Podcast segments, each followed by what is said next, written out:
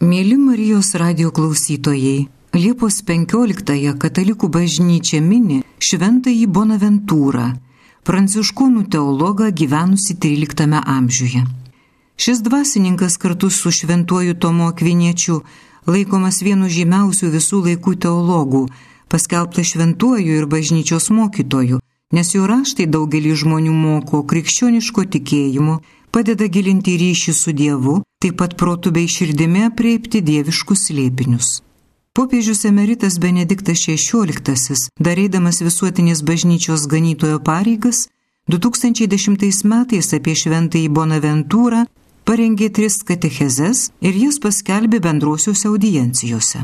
Pasiklausykime popiežiaus emerito minčių, kad pažintume mūsų bažnyčios šventuosius. Brangus broliai ir seserys, šiandien norėčiau pakalbėti apie Bonaventūrą Banjoredžietį Prisipažįstu, kad vėl prisimindamas jį jaučiu tam tikrą nostalgiją. Prisimenu, kaip šį man labai brangų autorių tyrinėjau būdamas jaunas mokslininkas. Jo pažinimas padarė nemenką įtaką mano ugdymuisi. Su dideliu džiaugsmu prieš kelis mėnesius atlikau piligriminę kelionę į jo gimtinę Banjoredžį, nedidelį italų Lacijos regiono miestelį, pagarbiai sargijantį jo atminimą. Šventasis Bonaventūra gimė tikriausiai 1217 ir mirė 1274 metais. Jis gyveno XIII amžiuje, epochoje, kai krikščioniškasis tikėjimas giliai įsiskverbęs į Europos kultūrą ir visuomenę, įkvėpdavo literatūros, meno, filosofijos ir teologijos rytise nemarius kūrinius. Tarp krikščioniškųjų asmenybių prisidėjusių prie tokios tikėjimo ir kultūros tarpusavio darnos Įsiskiria Bonaventūra, veiklos ir kontempliacijos žmogus, labai maldingas ir mokėjęs išmintingai vadovauti. Jį vadino Giovanniu da Fidanza. Jo gyvenimą giliai paženklino, kaip pats pasakoja, vienas vaikystės įvykis. Jis taip sunkiai susirgo, kad net jo tėvas, gydytojas, nebepuoselėjo vilčių išgelbėti jį iš mirties Tada jo motina paprašė neseniai šventuoju paskelbto Pranciškaus Asižiečio užtarimo ir Giovannis pasveiko. Po keliarių metų Paryžiuje, kuris nuvyko studijuoti, Asyžiaus poverelo tapo jam dar artimesnis. Jis įgyjo magister artium diplomą, kurį galima prilyginti įgyjamam baigus prestižinį mūsų laikų licėjų. Kaip ir daugelis jaunuolių praeitįje ir šiandien, Giovannis iškėlė savo pagrindinį klausimą ką su savo gyvenimu daryti. Traukiamas 1219 m. Paryžioje pasirodžiusių mažesniųjų brolių karšto liudijimo ir evangelinio radikalumo, Giovannis pasibeldė į miesto pranciškonų vienuolino vartus ir pasiprašė priimamas į gausią pranciškaus mokinių šeimą. Po daugelio metų paaiškino savo apsisprendimo motyvus Šventajame Pranciškuje ir jo pradėtame sąjūdyje jis išvelgęs Kristaus veikimą. Vienam kitam mažesniam broliui jis rašė, Dievo akivaizdoje turiu pripažinti, jog palaimintojo Pranciškaus gyvenimą myliu labiau už bet kurį kitą todėl, kad jis primena bažnyčios ištaką ir augimą. Bažnyčia prasidėjo nuo paprastų žvėjų ir tik vėliau ją praturtino labai garsus ir išmintingi mokytojai. Palaimintojo Pranciškaus religiją įsteigė neprotingi žmonės, bet Kristus. Todėl apie 1243 metus Giovanni susivilko pranciškonų abitą ir pasirinko Bonaventūros vardą. Tuo jau paskirtas studijuoti Paryžiaus universiteto teologijos fakultete lankė visus labai daug pastangų reikalaujančius kursus. Įgyjo įvairius akademinės karjeros titulus, kaip antai bakalaureus biblikus ir bakalaureus sentencijarum. Bonaventūra nuodugniai studijavo šventą įraštą, Petro Lombardo sentencijas, tuo metu teologijos vadovėlį bei svarbiausius teologijos autorius. Ir palaikydamas ryšius su iš visos Europos į Paryžių suplaukusiais mokytojais bei studentais, jis įugdė savo asmeninį mąstymą bei labai vertingą dvasinį jautrumą, kuriuos vėliau perteikė savo veikaluose bei pamoksluose, taip tapdamas vienu iš bažnyčios istorijoje svarbiausių teologų. Svarbu priminti pavadinimą tezių, kurias jis gynė, norėdamas įgyti leidimą mokyti teologijos - licencija ubike docere, kaip tai tada vadinta. Jo disertacijos antraštė Kristaus pažinimo klausimai parodo centrinį Kristaus vaidmenį Bonaventūros gyvenime ir mokyme. Drąsiai galime sakyti, kad jo visas mąstymas buvo iš pagrindų kristocentriškas. Tais metais Paryžiuje, Bonaventūros naujoje tėvynėje, įsižiebė karšta polemika nukreipta prieš Pranciškaus Asižiečio mažesniuosius brolius ir Dominiko Guzmano pamokslaujančius brolius. Jiems norėta uždrausti mokyti universitete, abejota net jų pašvestojo gyvenimo autentiškumu. Iš tikrųjų pokyčiai, elgetaujančių ordinų įdėkti į pašvestojo gyvenimo sampratą, apie kuriuos kalbėjau ankstesnėse katechezėse, buvo tokie naujoviški, kad ne visi juos suprato. Bet to, kaip kartais pasitaiko ir tarp nuoširdžiai religingų žmonių, prisidėjo tokie žmogiškojo silpnumo motyvai kaip pavydas ir konkurencija. Bonaventūra, nors ir supamas kitų universiteto mokytojų priešiškumo, pradėjo dėstyti pranciškonų teologijos katedrose ir kaip atsaką elgetaujančių ordinų kritikams parašė veikalą apie evangelinį tobulumą Kvestionės disputate de perfekcione evangelika. Jame jis parodo, kad elgetaujantis ordinai, ypač mažesnieji broliai, laikydamiesi neturto, skaistumo ir klusnumo įžadų, laikosi pačios Evangelijos patarimų. Bonaventūros mokymas, kurį jis pateikė šiame veikale ir savo gyvenimu, lieka visada aktuolus, nepriklausomai nuo istorinių aplinkybių. Bažnyčia tampa vis šviesesnė ir gražesnė per ištikimybę pašaukimui tų savo sūnų ir dukterų, kurie ne tik įgyvendina Evangelijos įsakymus, bet ir yra pašaukti Dievo malonės laikytis jos patarimų ir taip neturtinga skaiščia ir klusne gyvensena liudyti, kad Evangelija yra džiaugsmo ir tobulumo versmė. Konfliktas bent kuriam laikui nurimo, o asmeniškai popiežiui Aleksandrui IV įsikišus, Bonaventūra 1257 metais buvo oficialiai pripažintas Paryžiaus universiteto doktor ir magister. Vis dėlto šios prestižinės užduoties jam teko atsisakyti, nes ordino generalinė kapitula tais pačiais metais išrinko jį generaliniu ministru. Šis pareigas jis išmintingai ir atsidavusi ėjo 17 metų, lankydamas provincijas, rašydamas broliams laiškus, kartais gana griežtai šalindamas piknaudžiavimus. Bonaventūrai pradedant šią tarnybą, mažesniųjų brolių ordinas jau buvo gerokai įsiplėtojęs. Po visą vakarų Europą buvo pasklidę 30 tūkstančių brolių, veikė misijos Šiaurės Afrikoje, artimuosiuose rytuose ir Pekine.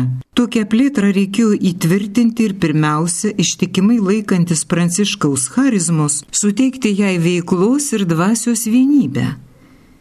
Juk Asyžiaus šventojo sekėjai įvairiai aiškino jo žinę ir tikrai grėsė vidinis susiskaldimas. Norėdama išvengti tokio pavojaus, ordino generalinė kapitula 1260 metais Narbonoje priėmė ir ratifikavo Bonaventūros pasiūlytą tekstą, kuriame buvo surinkti ir suvienodinti nuostatai reguliuojantys kasdienį mažesniųjų brolių gyvenimą. Tačiau Bonaventūra nujautė, kad šių išminties ir nusaikumo įkvėptų įstatyminių nuostatų nepakanka dvasios ir širdies bendrystėje laiduoti. Reikėjo dalytis tais pačiais idealais bei įsitikinimais. Dėl šios priežasties Bonaventūra troško pateikti autentišką pranciškaus charizmą, jo gyvenimą ir mokymą. Todėl jis uoliai rinko su poverelo susijusius dokumentus ir įdėmiai klausydavosi tiesiogiai pranciškų pažinojusiųjų atminimų.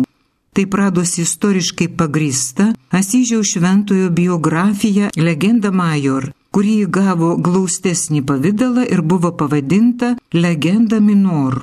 Lotynų kalboje žodis legenda, kitaip negu dabartinėje vartosenoje, reiškia ne fantazijos vaisių, bet priešingai autoritetingą tekstą, skaitytiną kaip oficialų.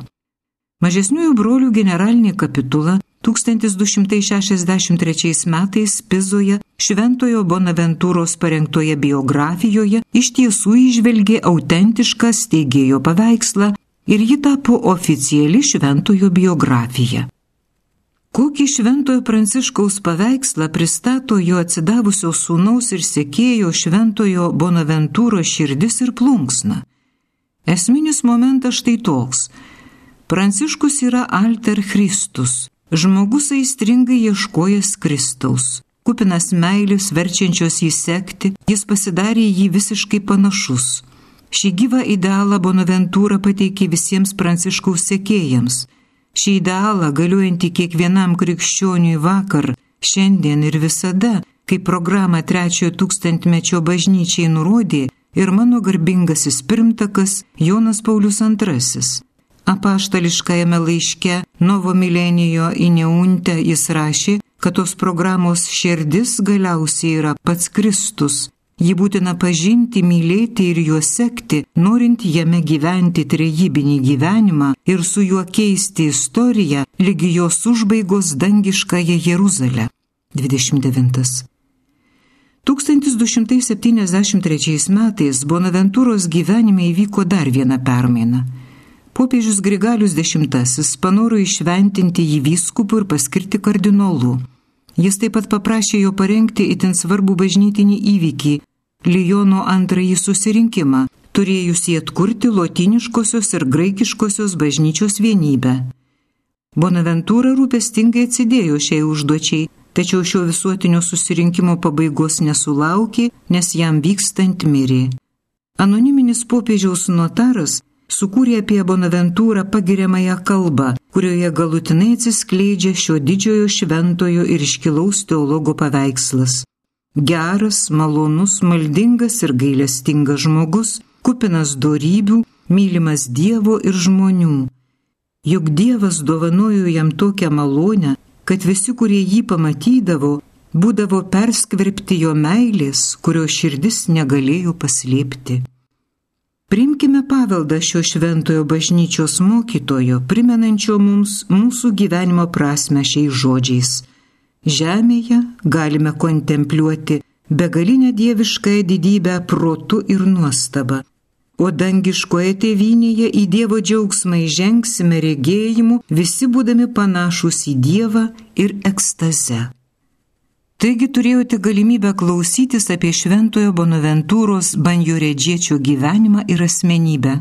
Dabar metas pristatyti jo literatūrinės kūrybos ir mokymo dalį. Kaip sakiau, Šventojo Bonaventūros nuopelnas yra tai, kad jis be kita ko autentiškai ir ištikimai aiškino Šventojo Pranciškaus asižiečio asmenybę, kurią gerbi ir kupinas didelės meilės studijavo. Konkrečiai šventojo Bonaventūros laikotarpiu viena iš dvasingaisiais vadinamų mažesniųjų brolių srovių reiškia požiūrį, kad su šventoju Pranciškumi prasidėjo visiškai naujas istorijos tarpsnis ir amžinoji Evangelija, minima prieškime Jonui, atėjo pakeisti naujojo testamento. Ši grupė teigi, jog bažnyčios istorinis vaidmuo baigėsi ir ją pakeitė charizminė laisvų žmonių viduje vedamų dvasios bendruomenė, tai yra dvasingiai pranciškonai. Šios grupės idėjų pagrindą sudarė 1202 metais mirusio cistersų abato Joakimo Fioriečio raštai, Savo kūriniuose jis kėlė mintį apie trejybinį istorijos ritmą. Senąjį testamentą laikė tėvo amžiumi, paskui kurį ėjo sūnaus laikas, bažnyčios laikas. Reikėjo laukti dar ir trečiojo dvasios amžiaus. Visa istorija aiškinta kaip pažangos istorija, einant nuo Senojo testamento griežtumo prie santykinės sūnaus laiko laisvės bažnyčioje ir galiausiai prie visiškos Dievo vaikų laisvės šventosios dvasios laikotarpiu, pagaliau turėsiančių būti taikos tarp žmonių, tautų religijų susitaikymo amžiumi. Joakimas Fiorytis sužadino viltį, jog pradžią naujajam laikui turėtų duoti naujoji vienuolystė. Todėl suprantama, kodėl viena pranciškonų grupė tarėsi šventajame pranciškoje sižėtyje atradusi naujojo laiko steigėją, o jo ordinę naujojo amžiaus bendruomenę, šventosios dvasios bendruomenę, už nugaros palikusią hierarchinę bažnyčią, įdant pradžią duotų naujai dvasios bažnyčiai, nebesusijusiai su senosiomis struktūromis. Taigi grėsė pavojus, kad šventojo pranciškaus žinia, jo nuolanki ištikimybė Evangelijai ir bažnyčiai bus iš pagrindų neteisingai suprasta ir kad toks nesusipratimas pastumės prie klaidingo visos krikščionybės supratimo.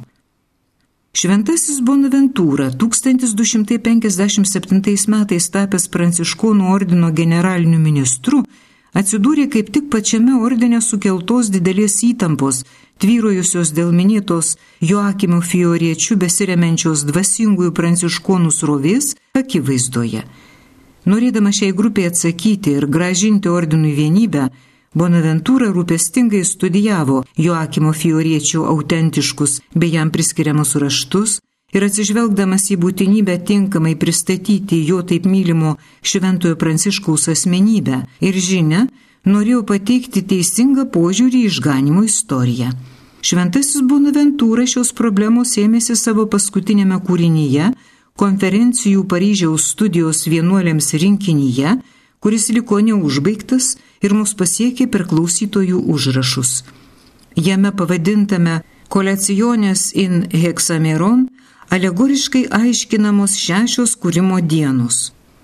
Bažnyčios tėvai septynias dienas pasakojame apie sukūrimą laiko pasaulio žmonijos istorijos pranašyste.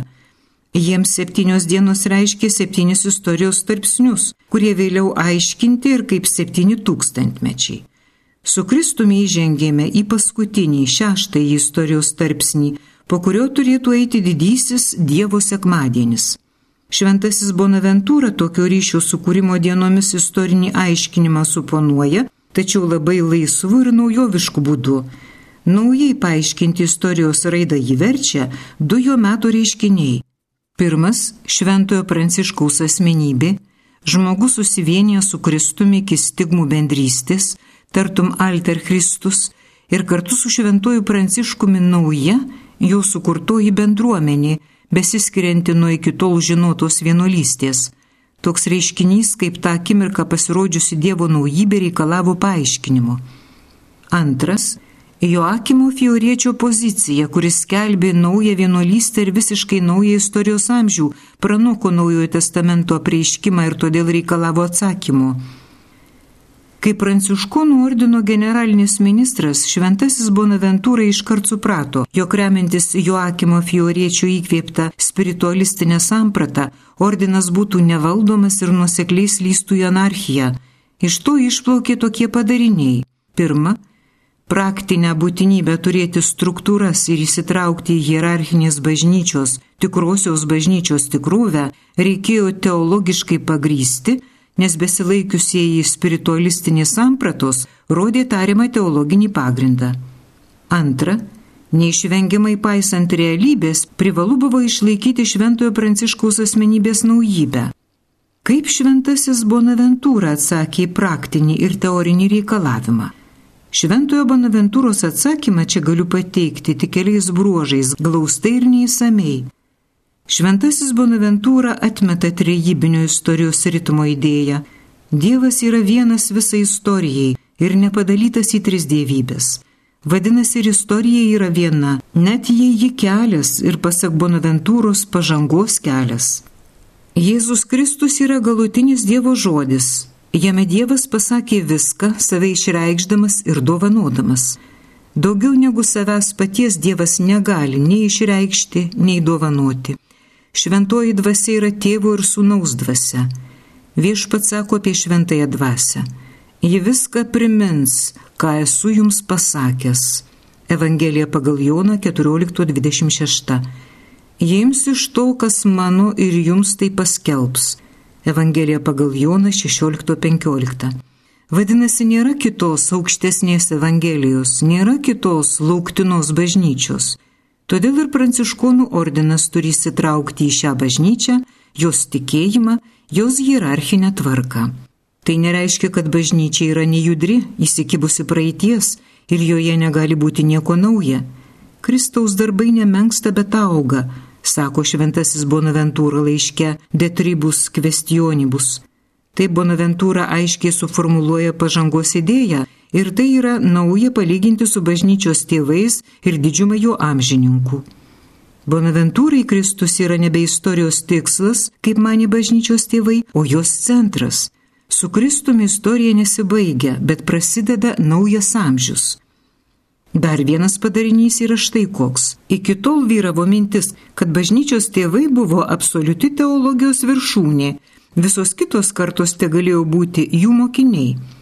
Šventasis Bonaventūra irgi pripažįsta bažnyčios tėvus kaip nuolatinius mokytojus, Tačiau nepaprastas Šventojo Pranciškaus reiškinys teikia jam tikrumo, kad Kristaus žodžio turtai neįsiemiami ir kad naujosiuose kartuose taip pat gali pasirodyti naujų šviesulių. Kristaus nepakartojamumas visais laikais įkiu laiduoja naujybę ir atsinaujinimą. Pranciškonų ordinas nebejotinai priklauso Jėzaus Kristaus bažnyčiai, apaštališkai bažnyčiai ir negali būti statydinamas remiantis utopiniu spiritualizmu. Tačiau sėkių galioja ir to ordino naujybė klasikinės vienuolystės atžvilgių. Ir tą naujybę šventasis Bonaventūra, kaip minėjau praėjusioje katechezėje, gynė nuo Paryžiaus pasaulietinės dvasininkijos užpuldinėjimų. Pranciškonai neturi stabilaus vienuolyno, jie gali būti pasklidę visur, kad skelbtų Evangeliją. Kaip tik vienuolystėje būdingos stabilumo atsisakymas naujo lankstumo naudai sugražino bažnyčiai misijinę dinamiką. Čia galbūt naudinga pasakyti, jog ir šiandien yra požiūrių, kad bažnyčios istorija antrajame tūkstantmetyje te buvo nuolatinis nuosmukis. Kai kas net mano, jog ji nykti pradėjo tuoj po naujojo testamento laikų. Tačiau iš tikrųjų opera Christi non deficijunt, bet proficijunt Kristaus darbai nemenksta, bet auga. Kas būtų bažnyčia be cistersų, pranciškonų ir dominikonų dvasingumo, be šventosios Teresės Avilietės ir šventojo kryžiaus Jono ir taip toliau dvasingumo. Ir šiandien galioja ištara opera Christi non deficijunt set proficijunt. Šventasis Bonaventūra moko mus būtino ir griežto blaivaus realizmo ir atvirumo naujoms, Kristaus savo bažnyčiai šventojoje dvasioje dovanojamoms charizmoms. Kaip mintis apie nuosmukį, lygiai taip kartojasi ir kita spiritualistinio utopizmo idėja. Žinia, kai kas po Vatikano antrojo susirinkimo buvo įsitikinęs, jog visa yra nauja, kad dabar yra kita bažnyčia, kad iki susirinkimo buvusi bažnyčia baigėsi ir dabar turėsime kitą visiškai kitokią bažnyčią - anarchinis utopizmas. Ačiū Dievui, išmintingi Petro laivų vairininkai, popiežius Paulius VI ir popiežius Jonas Paulius II gynė ir susirinkimo naujybę ir sėkiu bažnyčios vieninteliškumą ir testinumą. Bažnyčios, kuri visada yra nusidėjėlių bažnyčia ir malonės vieta. Šia prasme šventasis Bonaventūra, kaip pranciškonų ordino generalinis ministras, laikėsi vadovavimo krypties aiškiai rodžiusios, kad naujasis ordinas kaip bendruomenė negali gyventi toje pačioje eschatologinėje aukštumoje kaip šventasis Pranciškus, kuriame jis matė būsimą į pasaulį, bet turi, vadovaudamasis veikų realizmu ir dvasinė drąsa, kuo labiau įgyventinti kalno pamokslą, kuris šventajam Pranciškui buvo taisyklė ir kartu atsižvelgti į gimtosios nuodėmės paženklinto žmogaus ribotumus. Tad matome, kad valdyti šventajam Bonaventūrai reiškia ne tiesiog veikti, bet pirmiausia - mąstyti ir melstis. Jo vadovavimas visada rėmėsi malda ir mąstymu. Visi jo sprendimai kyla iš apmąstymo, iš maldos apšviesto mąstymo. Bonaventūros artimas ryšys su Kristumi visada lydėjo jo kaip generalinio ministro darbą, todėl jis sukūrė keletą teologinių mistinių raštų, nusakančių jo vadovavimo dvasę ir liudijančių ketinimą vadovauti ordinui vidujei, tai yra ne vien įsakymais ir struktūromis, bet vedant ir į Kristų kreipiant sielas. Iš jų raštų atskleidžiančių jo valdymo dvasę ir parodančių kelią, kuriuo turėtų žengti tiek individas, tiek bendruomenė, norėčiau paminėti tik vieną jo pagrindinį veikalą - Itinerarium Mentis Indeum - savotišką mistinės kontempliacijos vadovėlį Jis buvo sukurtas gilaus dvasingumo vietoje, ant Lavernos kalno, kur šventasis Pranciškus gavo stigmas. Įžangoje autorius aiškina aplinkybės paskatinusias parašyti šį veikalą. Ten, kai mąstydamas varščiau kai kuriuos sielos kilimo pas Dievą kelius, be kitako prisiminiau stebuklą atsitikusi pačiam palaimintajam Pranciškui toje vietoje, tai yra serafo regėjimas su sukryžiuotais kaip nukryžiuotasis sparnais. Apie tai svarstant man iškart pasidarė aišku, kad ši vizija gali vaizduoti paties tėvo pakilimą kontempliuojant nukryžiuotą jį ir kelią, kuriuo prie šio pakilimo einama. Taip šeši serafo sparnai ima simbolizuoti šešis etapus laipsniškai vedančių žmogų prie Dievo pažinimo per pasaulio ir kūrinių stebėjimą, per sielos ir jos gebėjimų tyrimą, iki pat visiško susivienijimo su trejybė per Kristų, sekant šventuoju pranciškumi. Paskutiniai šventojo Bonaventūros itinerarium žodžiai, kuriais atsakoma į klausimą, kaip pasiekti šią mistinę bendrystę su Dievu, turėtų giliai kristi į širdį. Jei klaustum, kaipgi tai mistinė bendrystė su Dievu atsitinka, klausinėk malonę, ne mokslą, troškimą, ne mąstymą, maldos dejones, ne knygų studijas, sužadėtinį, ne mokytoją, Dievą, ne žmogų, miglą, neiškumą, ne šviesą, bet visą uždegančią ir į Dievą proveržių patepimu ir karščiausiais jausmais perkeliančią ugnį. Tad mirkime ir ženkime į miglą, tyla užklokime rūpeščius, geismus ir vaizdinius, kartu su Kristumi pereikime iš šio pasaulio pas tėvą, kad kai tėvas mums pasirodys, kartu su Pilypu tartume ir mums bus gana. Brangus bičiuliai, Priimkime šventojo Bonaventūros dr. Serafikus kvietimą ir leiskime į dieviškojo mokytojo mokyklą, įsiklausykime į jo gyvenimo ir tiesų žodžius, ataidinčius giliausioje sielos gilumoje. Apvalykime savo mąstymą ir veiklą, kad jis galėtų mumise gyventi, o mes galėtume išgirsti jo dievišką į balsą, traukiantį mus prie tikrosios laimės. Tesdami apmąstymus toliau pagilinkime kitus Šventojo Bonaventūros banjoredžiečio mokymo aspektus. Šis iškilus teologas vertas stovėti greta kito labai didelio mąstytojo, savo amžininko Tomo Akviniečio. Abu tyrinėjo prieiškimo slėpinius ir vertindami proto galias išplėtojo vaisingą tikėjimo ir proto dialogą, paženklinusi krikščioniškosius viduramžius ir padariusi juos tikėjimo bei bažnytinio atsinaujinimo amžiumi, taip pat didelio intelektualinio gyvumo epocha, kuri dažnai nepakankamai vertinama. Siūlosi ir kiti panašumai, tiek pranciškonas Bonaventūra, tiek dominikonas Tomas priklausė elgetaujantiems ordinams, kurie, apie tai priminė ankstesnėse katechezėse, XIII amžiuje savo dvasiniu šviežumu atnaujino visą bažnyčią ir patraukė daug sekėjų. Abu tai puoliai įstringai ir degdami meilę tarnavo bažnyčiai, kad net buvo pakviesti dalyvauti visuotinėme Lyonų susirinkime 1274-aisiais jų abiejų mirties metais. Tomas mirė keliaudamas į Lyoną, Bonaventūrą per susirinkimą. Net Šventojo Petro aikštėje jų statulos stovi viena priešais kitą Žiūrint nuo Vatikano bazilikos fasado, jos abi stovi kolonados priekyje, viena kairėje, kita dešinėje. Nepaisančių aspektų, abiem didiesiems šventiesiems galime priskirti dvi skirtingas filosofinės ir teologinės paieškos prieigas, parodančias ir vieno ir kito mąstymo originalumą ir gilumą. Norėčiau kelis iš tų skirtumų pabrėžti. Pirmasis skirtumas susijęs su teologijos savoka.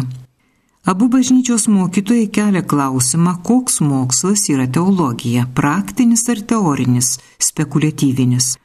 Šventasis Tomas apmasto du galimus vienas kitam priešingus atsakymus. Pirmasis štai toks. Teologija yra tikėjimo apmąstymas, o tikėjimo tikslas - kad žmogus taptų geras, gyventų pagal Dievo valią ta teologija turėtų siekti vesti teisingų gerų kelių, vadinasi, ji iš pagrindų praktinis mokslas. Kita pozicija byloja, teologija siekia pažinti Dievą. Esame Dievo kūriniai, Dievas pranoksta mūsų veiklą, tinkamai elgiamės dėl Dievo veikimo mumise. Vadinasi, iš esmės kalbama ne apie mūsų darbą, bet apie Dievo pažinimą, ne apie mūsų veikimą. Šventasis Tomas daro išvadą, teologija apima abu aspektus. Ji teorinė ir stengiasi vis labiau pažinti Dievą, ji taip pat praktinė siekia mūsų gyvenimą kreipti į gerą. Tačiau egzistuoja pažinimo primatas. Pirmiausia, turime pažinti Dievą, tik paskui eina veikimas pagal Dievo valią. Tas pažinimo primatas praktikos atžvilgių yra reikšmingas Šventojo Tomo pamatinės krypties momentas. Šventojo Bonaventūros atsakymas labai panašus, tačiau akcentai sudėlioti kitaip. Kaip ir šventajam Tomui, Bonaventūrai irgi žinomi tie patys argumentai vienos ir kitos pakraipos naudai, tačiau atsakinėdamas į klausimą, ar teologija yra praktinis ar teorinis mokslas, jis daro trejopą perskyrą - alternatyvą tarp teorinio pažinimo primatas ir praktinio, praktikos primatas išplečia pridurdamas trečią laikyseną, kurią vadina išmintinga ir teikdamas, jog išmintis apima abu aspektus. Jis tęsė. Išmintis siekia kontempliacijos kaip aukščiausios pažinimo formos ir siekia udbonifijamus, kad taptume geri, pirmiausia, tapti geram, palyginkite Brevilokivijum prologus penktas, tada priduria, tikėjimas yra prote taip, kad sukelia jausmą Pavyzdžiui, pažinimas, kad Kristus mirė dėl mūsų, nelieka grynų pažinimu, bet neišvengiamai virsta jausmu, meile. Tokia pačia linkme rutuliuojasi ir teologijos kaip tikėjimo racionalaus ir metodiško apmąstymo gynyba.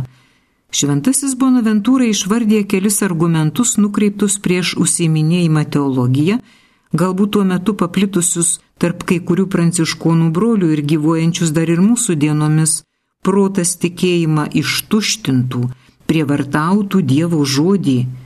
Palyginti Šventojo Pranciškaus Asižiečio laišką Šventajam Antanui Paduviečiui. Į šiuos prieš teologiją nukreiptus argumentus, atskleidžiančius pačioje teologijoje glūdinčius pavojus, šventasis atsako, tiesa, kad teologiją galima užsiiminėti arogantiškai, jog protas gali būti išpuikęs ir kelti save aukščiau už Dievo žodį, Tačiau tikroji teologija, tikros ir geros teologijos racionalus darbas kyla iš kitokio šaltinio, ne iš proto puikybės. Kas myli, tas trokšta mylimą jį vis geriau ir labiau pažinti. Tikroji teologija pasitelkia ne puikybės motivuojamą protą ir jo ieškojimus. Set propter amorem eius cui assentit bet yra motivuojama meilės tam, kuriam davė savo pritarimą. Premium in pirmas cent, puslapis antras, ir nori geriau pažinti mylimąjį. Štai tokia yra pamatinė teologijos intencija. Tačiau šventasis Bonaventūra galiausiai apsisprendžia meilės primato naudai. Taigi šventasis Tomas ir šventasis Bonaventūra skirtingai apibrėžia galutinę žmogaus paskirtį jo visišką laimę. Šventajam Tomui aukščiausias tikslas, į kurį krypsta mūsų troškimas, yra Dievo regėjimas. Šiame paprastame Dievo regėjimo akte įsisprendžia visos problemos. Esame laimingi, nieko kito nebereikia. O šventajam Bonaventūrai galutinė žmogaus paskirtis yra Dievą mylėti, jo ir mūsų meiliai susitinkant ir susivienijant. Jam tai tinkamiausias mūsų laimės apibrėžimas. Laikydamiesi šios linijos, taip pat galime pasakyti, kad aukščiausia kategorija šventajam Tomui yra tiesa, o šventajam Bonaventūrai gėris. Būtų klaidinga abu šios atsakymus laikyti vienas kitam prieštaraujančiais. Abiem tiesa yra ir gėris, o gėris ir tiesa. Regėti Dievą yra mylėti, o mylėti yra regėti. Tai vieno bendro pamatinio požiūrio du skirtingi akcentai Iš abiejų akcentų įsirutuliojo įvairios tradicijos ir dvasingumo rūšys, tai parodydamos tikėjimo vaisingumą, jo raiškos įvairovę. Grįžkime prie Šventojo Bonaventūros. Akivaizdu, kad jo teologijos, kurios pavyzdį ką tik pateikiau savitą akcentą, galima paaiškinti, remiantis pranciškoniškąją charizmą. Asyžiaus Poverelo už anų metų intelektinių diskusijų ribų visų savo gyvenimu parodė meilės primatą Jis buvo gyvai ir įsimylėjusi Kristaus ikona ir taip savo amžiuje sudabartino viešpaties pavydalą. Įtikinėjo savo amžininkus ne žodžiais, bet savo gyvenimu. Visuose Šventojo Bonaventūros kūriniuose, kaip tik moksliniuose scholastiniuose veikaluose, tas pranciškoniškas įsikvėpimas jaučiamas ir aptinkamas. Tai yra matyti, kad jis masto remdamasi susitikimu su Asyžiaus poverelo. Tačiau norėdami suprasti, kaip konkrečiai įsirutuliojo meilės primatas, Iš akių turime neišleisti dar vieno šaltinio - raštų vadinamo pseudo Dionizo, šeštojo amžiaus sirų teologo prisidengusio Dionizo Areopagito slapyvardžių nurodančių mums asmenybę iš apaštalų darbų. Palyginti 1734. Šis teologas sukūrė liturginę ir mistinę teologiją, daug kalbėjo apie vairius angelų rangus. Jo raštai IX amžiuje buvo išversti į lotynų kalbą. Šventojo Bonaventūros laikais XIII amžiuje radosi nauja tradicija, patraukusi šventojo ir kitų teologų dėmesį. Šventai Bonaventūrą ypač sudomino du dalykai. Pirma, pseudo Dionizas kalba apie devynis rangus angelų, kurių vardus surado rašte ir paskui juos savaip surikiavo nuo paprastų angelų iki serafų. Šventasis Bonaventūra tuos angelų rangus aiškina kaip kūrinio artėjimo prie Dievo pakopas. Tad jie gali vaizduoti ir žmogaus kelią, kopimą aukštin bendrystės su Dievu link. Šventasis Bonaventūra nebejoja. Šventasis Pranciškus Asižėtis priklauso serafų aukščiausiajam rangui, serafų chorui, tai yra jis yra grina meilės ugnis ir tokie turėtų būti pranciškonai. Tačiau šventasis Bonaventūra tikriausiai žinojo, jog šios galutinės prieartėjimo prie Dievo pakopos neįmanoma įsprausti jokią teisinę tvarką ir kad ji visada yra ypatinga Dievo dovana. Todėl pranciškonų struktūra yra kuklesnė, realistiškesnė, tačiau ji turi nariams padėti vis labiau artėti prie serafiškosios grinosios meilės egzistencijos. Praėjusį trečiadienį kalbėjau apie šią blaivaus realizmo ir evangelinio radikalumo sintezę mąstymė ir veikloje. Antra, tačiau šventasis Bonaventūra pseudo Dionizo raštuose atrado dar vieną, savo dar svarbesnį elementą. Augustino galutinė pažinimo kategorija yra intelektus, regėjimas protu ir širdimi, o štai pseudo Dionizas žengia vienu žingsniu toliau Kopiant pas Dievą galima pasiekti tašką, kai protas nebemato. Tačiau proto naktyje visuomet vis dar mato meilį. Ji regi tai, kas protui lieka neprieinama. Meilė pranoksta protą. Ji regi daugiau, giliau įsiskverbia į Dievo slėpinį. Šventai Bonaventūra toks požiūris, sutampantis su jo pranciškoniškojų dvasingumu, sužavėjo. Kaip tik tamsioje kryžiaus naktyje, kai protas neberegi, o regi meilį, į dienos šviesą išniro visa dieviškosios meilės didybė. Baigiamieji jo itinerarium mentis indeum žodžiai gali pasirodyti kaip perdėta pamaldumo be turinio išraiška, tačiau skaitomi Šventojo Bonaventūros kryžiaus teologijos šviesoje atskleidžia pranciškonišką įdvasingumą. Jei klaustum, kaipgi tai atsitinka, mistinė bendrystė su Dievu, klausinėk malonę, ne mokslą, troškimą, ne mąstymą, maldos dejones, ne knygų studijas, ne šviesą, bet visą uždegančią ir į Dievą proveržių patepimu ir karščiausiais jausmais perkeliančią ugnį. 7.6. Visa tai nei antiintelektualu, nei antiracionalu, tai suponuoja proto kelią, tačiau pranoksta jį meilėje nukryžiuotam Kristui. Taip perkeisdamas pseudo Dionizo mistiką, šventasis Bonaventūra davė pradžią didžiai mistiniai sroviai, smarkiai pakėlusiai ir nuvaliusiai žmogaus dvasę. Ji yra žmogaus dvasios istorijos viršūnė. Ši kryžiaus teologija, gimusi iš pseudo Dionizo teologijos ir pranciškoniškojo dvasingumo susitikimo, neturi leisti mums užmiršti, kad šventasis Bonaventūra su šventuoju pranciškumi Asižiečiu dalyjasi ir meilę kūriniams, džiaugimusi Dievo kūrinijos grožiu. Čia pacituosiu sakinį iš pirmojo itinerarium skyriaus.